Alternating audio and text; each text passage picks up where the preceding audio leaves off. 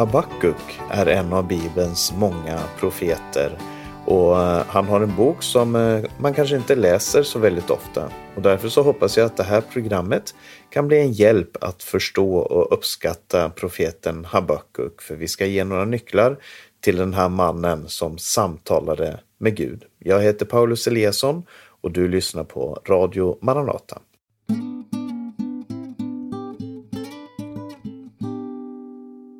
Habakuk är den åttonde av de så kallade småprofeterna, de tolv småprofeterna i Bibeln, som i vår indelning av Bibeln avslutar Gamla Testamentet. Så, eh, och Habakuk har tre kapitel och tar cirka tio minuter att eh, läsa, så ta dig gärna tid till att läsa Habakuk idag. Eh, Habakuk är ett väldigt ovanligt eh, namn. Någon av eh, namnen i eh, Bibeln har blivit populära namn i vår tid också.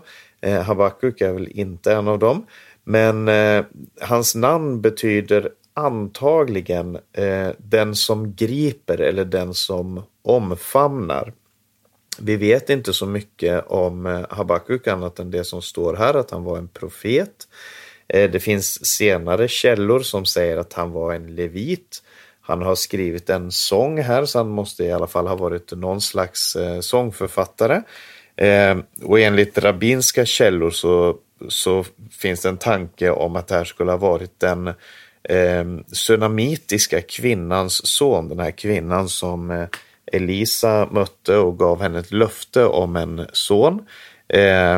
Och hon sa, han sa till henne att du ska omfamna en son och Habakuk betyder ju då att omfamna och då har man dragit den parallellen där. Men rent tidsmässigt så stämmer det antagligen inte. Men eh, utan att spekulera omkring vad, vad Habakuk, eh, vem han var och så, det är inte viktigt egentligen för, eh, för förståelsen av hans bok. Så kan vi i alla fall säga att han var en profet ifrån Gud.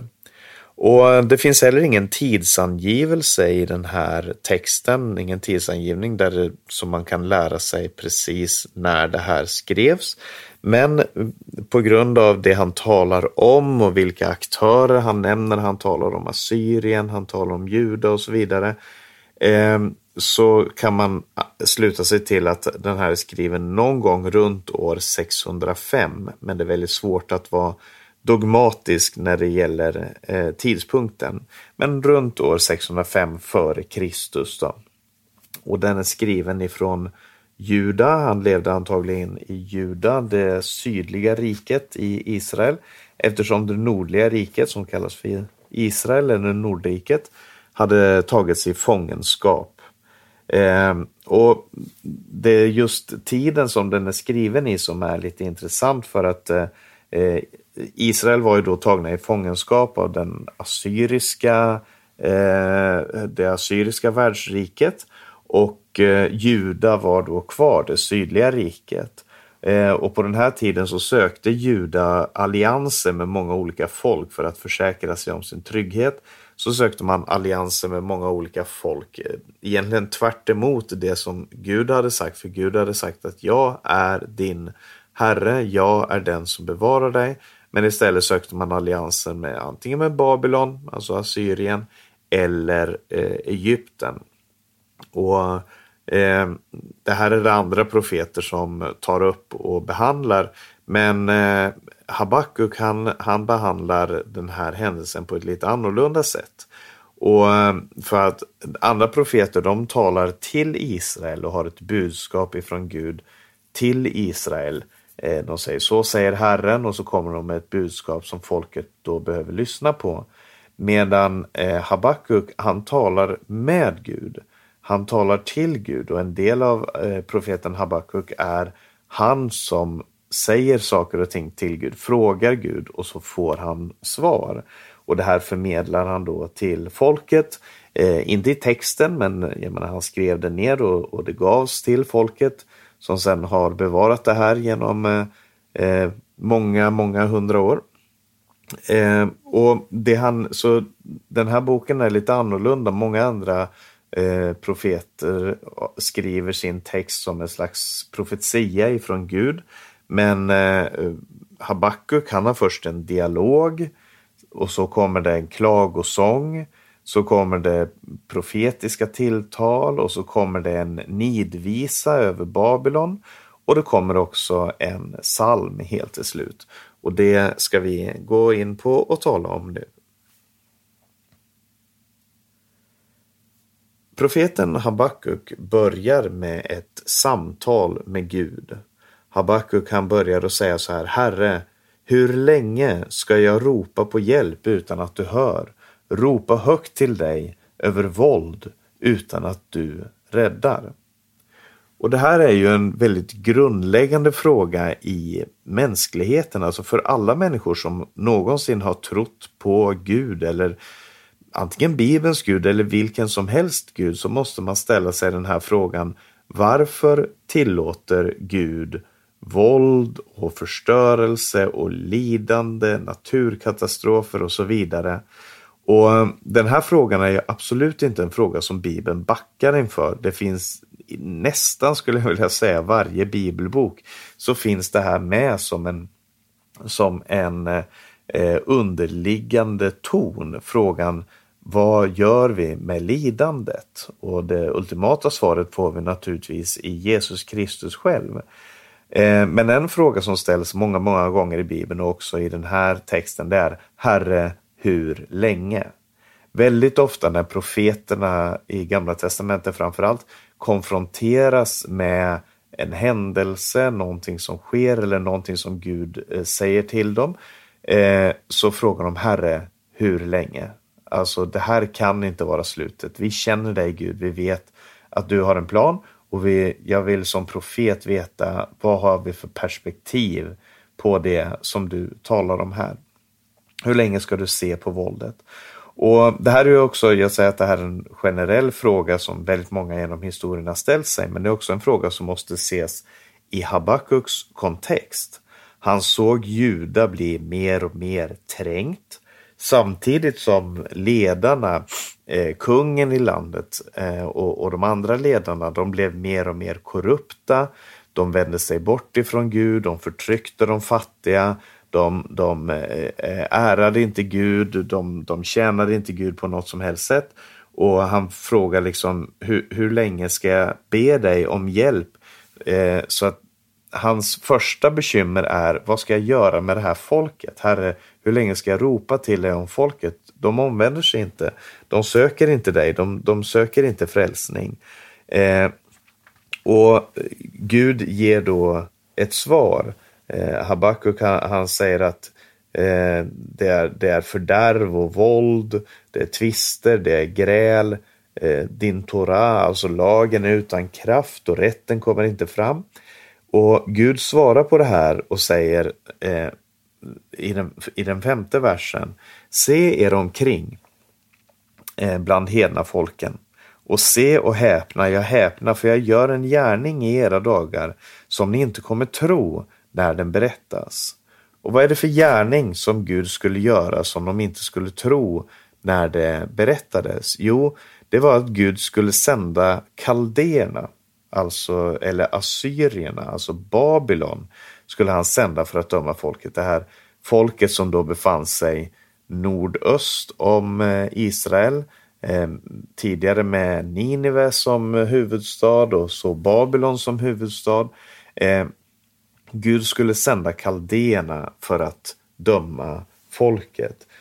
Gud säger de är skrämmande och fruktade, de avgör själva vad som är lag och rätt. Deras hästar är snabbare än leoparder och vildare än steppvargar. Och så beskriver han de här våldsamma, det här våldsamma riket som förstör, som ödelägger och så vidare. Eh, vilket naturligtvis väcker en reaktion hos profeten han blir helt bestört ifrån tolfte versen så svarar profeten och så säger men vad är det här för någonting? Det, det, du är ju, eh, du vill ju inte att ditt folk ska dö. Du vill ju inte utrota oss. De kommer ju förstöra, de kommer utrota allt som är. Och så säger han, eh, dina ögon är för rena för att se på det onda. Du som inte står ut med att se någon orätt, hur kan du se på de trolösa och tiga när den ogudaktige slukar den som är mer rättfärdig än han? Alltså, ja, Israel har ett problem, Juda är ett syndigt folk, men vad i all sin dar, eh, Babylon är ju mycket värre. Hur kan du använda Babylon för att döma ditt folk? De är ju mycket värre. Eh, och i kapitel 2, vers 1 så säger, han att, så säger profeten att jag, jag ställer mig här som en vaktpost på muren eh, och, och, väntar på Herrens svar. Alltså det här, det här är någonting som jag verkligen behöver få svar på. Hur kan Gud använda Babylon för att döma sitt folk? Och eh, från kapitel 2, vers 2 så ger Gud ett svar. Så det här är dialogen då. Först så bad han till Gud över ondskan i, i Israel. Han fick sitt svar. Det väckte en eh, mycket större fråga hos, hos eh, Habakuk. Och nu ger Gud sitt svar igen. Och han säger skriv ner den här synen. För eh, snart så kommer det att fullbordas, det som jag talar om här. Eh, det, det, kommer, det går emot slutet. Och, eh, men skriv ner den här synen på stentavlor. Och så säger han, ja, Hans själ är uppblåst och oärlig i honom. Alltså den här eh, kungen som då ska inta eh, Israel. Han, kaldéernas kung. Eh, han, de är oärliga. De är, han är, det är ondska som, som kommer att eh, eh gå över landet. Men, säger han, den rättfärdige ska leva genom sin tro. Och det här är en av de viktigaste verserna i eh, Habakuk. För att eh, han, det är en väldigt viktig vers som visar hur man ska kunna stå igenom prövning och motstånd och igenom ondskan i den här världen. Och eh, Nya testamentets författare citerar den här versen flera gånger, framförallt Paulus, när han talar om tron på Jesus och hur den eh, gör oss rättfärdiga. Alltså där när vi litar på honom som vi får liv och som vi får rättfärdighet. Och det är samma tanke här i den här texten att ja, eh, det kommer ondska. Det, det, finns en motståndare till Guds verk som vill förstöra och det finns motståndare som ödelägger den här världen. Men den, den som vill vara rättfärdig lever genom att de har tro på mig. Och så från eh, kapitel 2 och vers 6 så kommer en eh, nidvisa eller en smädesång som det står här. Ska de inte alla stämma upp en visa om honom, en smädesång med gåsfulla ord och säga ve dig som samlar vad som inte är ditt, hur länge till och tynger dig med pansat gods. Eh, här talar han, här är en, en eh, smädesång mot då den eh, kaldeiska kungen, mot Babylons kung. Och eh, han, han eh, eh, talar om situationen i det riket som de befann sig i. Och han beskriver i den här texten, i slutet av kapitel 2, så beskriver han hur de eh, har ekonomisk orättvisa på olika sätt. Eh, när det gäller förtryck av de fattiga, när det gäller Eh, hur de rika blir rikare och de fattiga blir fattigare. Han säger sen att, att eh, de, de eh, bygger staden med orättfärdighet. alla, alla de här oansvariga ledarna som driver människor i slaveri. Och han beskriver också i den här smädesången hur allt det här kommer från de gudarna som de tillber. De har eh, eh, avgudar som de tillber och de avgudarna driver dem till det här orättfärdiga livet. Och det här Babylon som beskrivs här och som kommer utvecklas under många bibelböcker står som en slags modell för många riken som ska komma att följa Babylons mönster. Och det är därför som vi till och med i Nya Testamentet kan läsa att eh, aposteln Petrus, han säger jag hälsar församlingen här i Babylon hälsar er. Och det här är många hundra år efter att Babylon som rike har upphört. Men han beskriver då antagligen Rom som det babyloniska riket. Och detsamma gör Johannes i Johannes uppenbarelse talar han om Babylon och det är dels det rike som han såg i sin egen tid, romarriket, Eh, den falska religiositeten som fanns där och så vidare.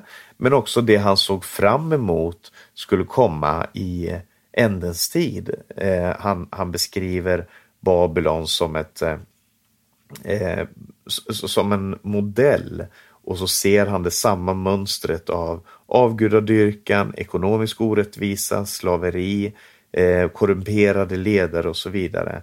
Eh, och det kallar de för ett Babylon. Och mitt i det här så beskriver både Nya och Gamla Testamentets författare att det finns en, eh, en grupp som är rättfärdiga och de är rättfärdiga genom sin tro, alltså sin trohet till Gud. De är rättfärdiga därför att de litar på att Gud ska föra allt till sin seger. De kastar sig inte på det här tåget med orättfärdighet, med att förtrycka, med att förstöra, utan de litar på Guds kärlek, Guds nåd, de litar på Guds egen trofasthet. Det är eh, det här andra kapitlet.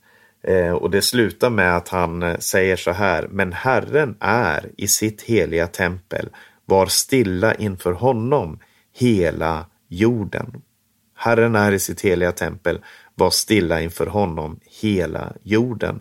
Alltså när alla de här hedna folken rasar, när alla de här människorna eh, lever i våld, i korruption, i dryckenskap och så vidare, eh, förtrycker andra till slaveri och, och så vidare, då är Herren fortfarande i sitt heliga tempel.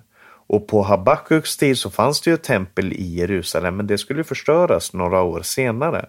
Men om vi läser till exempel Hesekiel och andra profeter så ser vi att Gud förlorar aldrig kontrollen. Allt det här ligger som en del av hans egen plan. Så kommer vi in till, eh, så kom vi till det tredje kapitlet som är en bön och en psalm.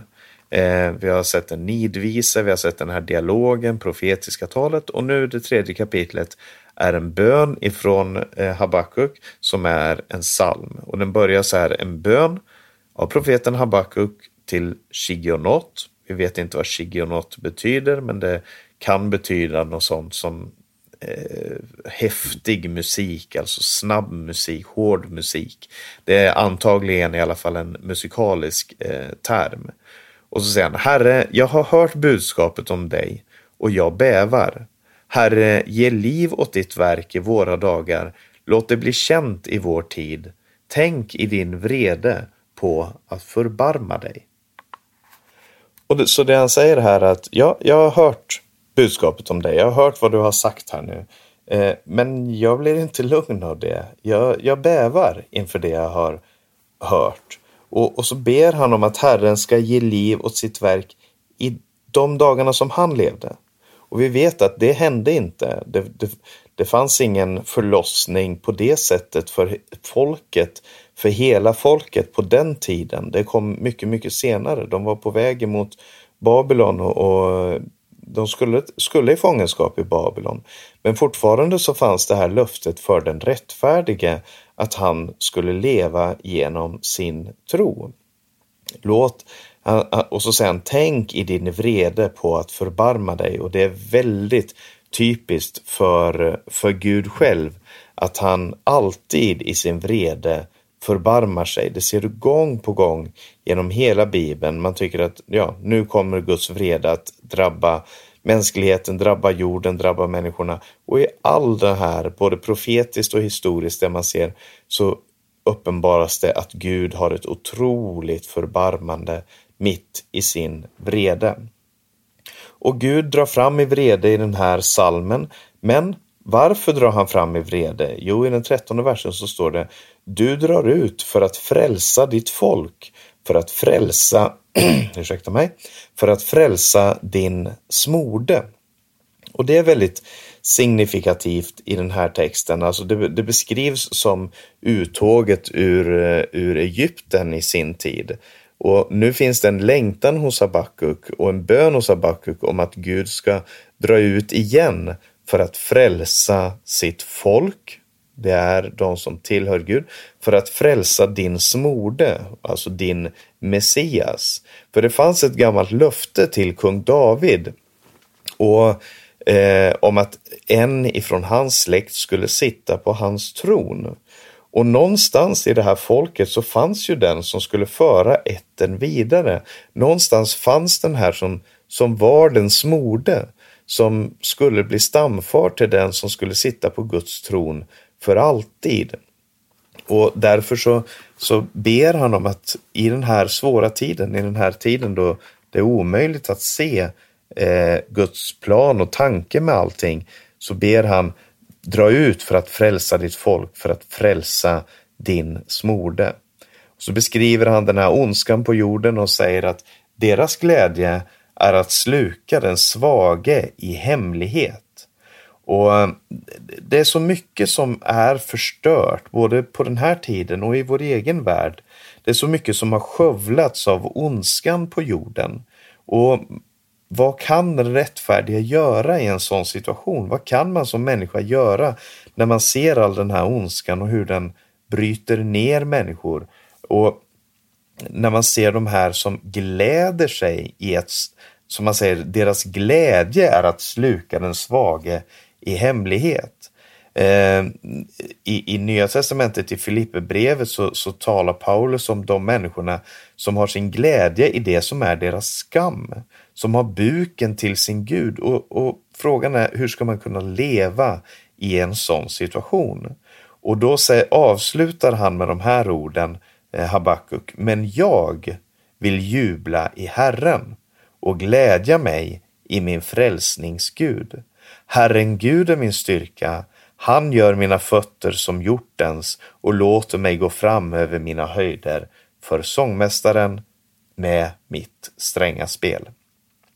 Så den här sången och den här texten, den, den slutar med just den här, eh, det här hoppet och den här eh, bekännelsen ifrån den rättfärdige som lever genom sin tro. Han säger, jag finner min glädje i Herren. Jag finner min glädje i Guds närhet. Och vad betyder då, ska jag säga till sist här, Habakuks profetia för oss? Jag hoppas att du har fått några nycklar till att förstå den här texten och som sagt, det tar bara en tio minuter att läsa igenom Habakuk så ta dig gärna tid till det eh, om du har möjlighet att öppna din bibel och läsa den här texten eller lyssna på den i, i eh, Eh, en app. Det finns många gratis appar där du kan lyssna på bibeln också. Men vad betyder den här profetian för oss? Jo, för det första så uppenbarar den ju det babyloniska mönstret. När vi ser korruption, våld, undertryck, avgudadyrkan och, och annat liknande så ser vi Babylon och profeterna uppenbarar för oss både eh, vad som ligger bakom Babylon och vad Babylon får för slut. Eh, och så lär vi oss att Gud under alla de här situationerna har kontroll. När vi ser våldet öka, när vi ser förstörelsen, när vi ser eh, allt det här som går över vår jord i vår tid, så vet vi ändå att Gud är i sitt heliga tempel. Vi lär oss att Gud tronar över alla världens makter, eh, att det är han som håller allt i sin hand och kommer att föra allting till det slut som han själv önskar.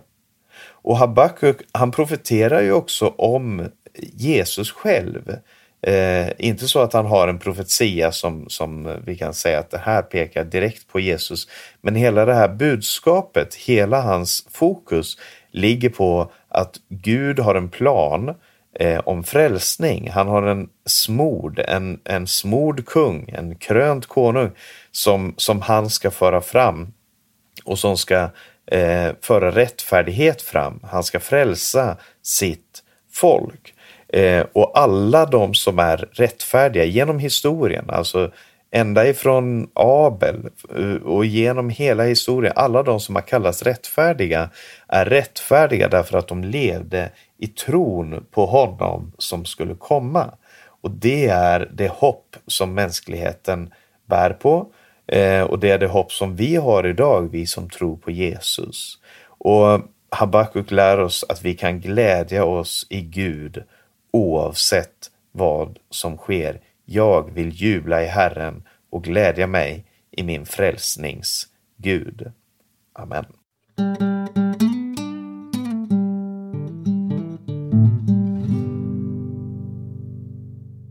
Vi ska alldeles strax lyssna på sången Ljus bryter fram ur det djupaste mörker och det är Arne Imsen som sjunger den här sången. Eh, men först ska jag bara ge lite information.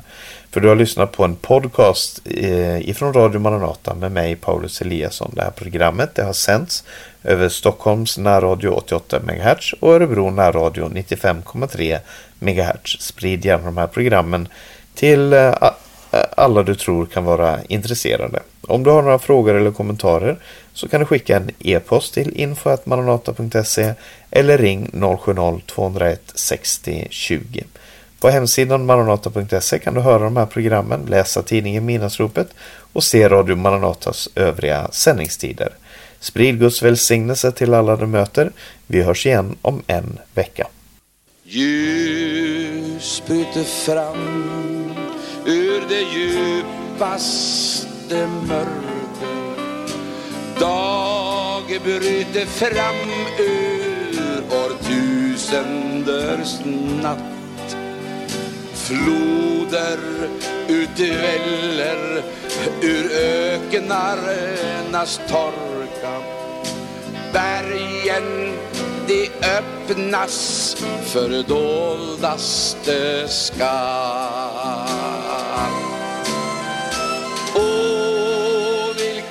Vilken kärlek,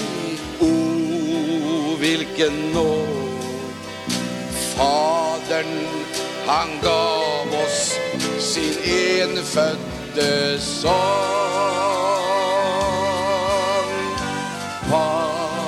Paradiset som i blick han sådde växer nu upp en lustgård som skön.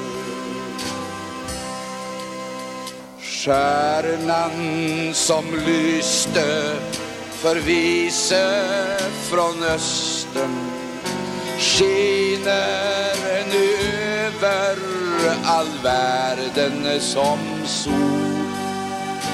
Barnet som höjde i Betlehem rösten höres på jorden från polo till pol.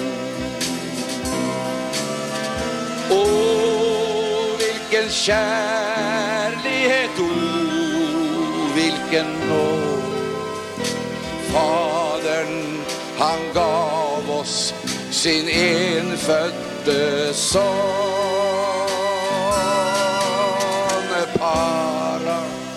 Paradised som vi han växer nu upp till en lustgård så skön. Jesus som kom med det levande nya Kristus vars härlighet vi du har sett. Snart är den dag då han åter ska samla alla de utspridda barnen till ett.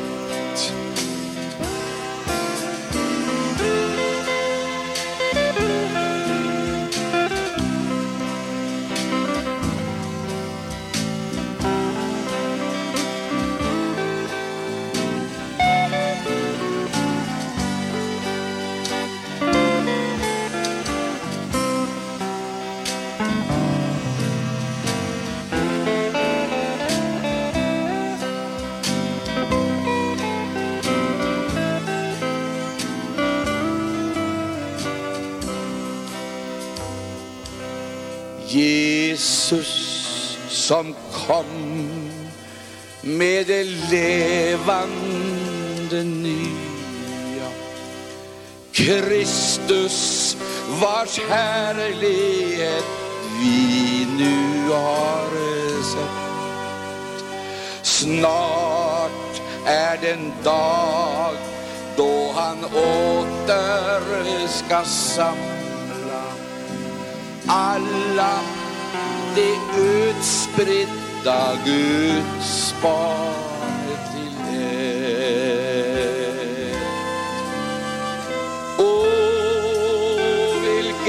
kärlek, åh, vilken nåd. Fadern, han gav oss sin enfödde son. Paradise som i stövet han sådde växer nu upp till en lust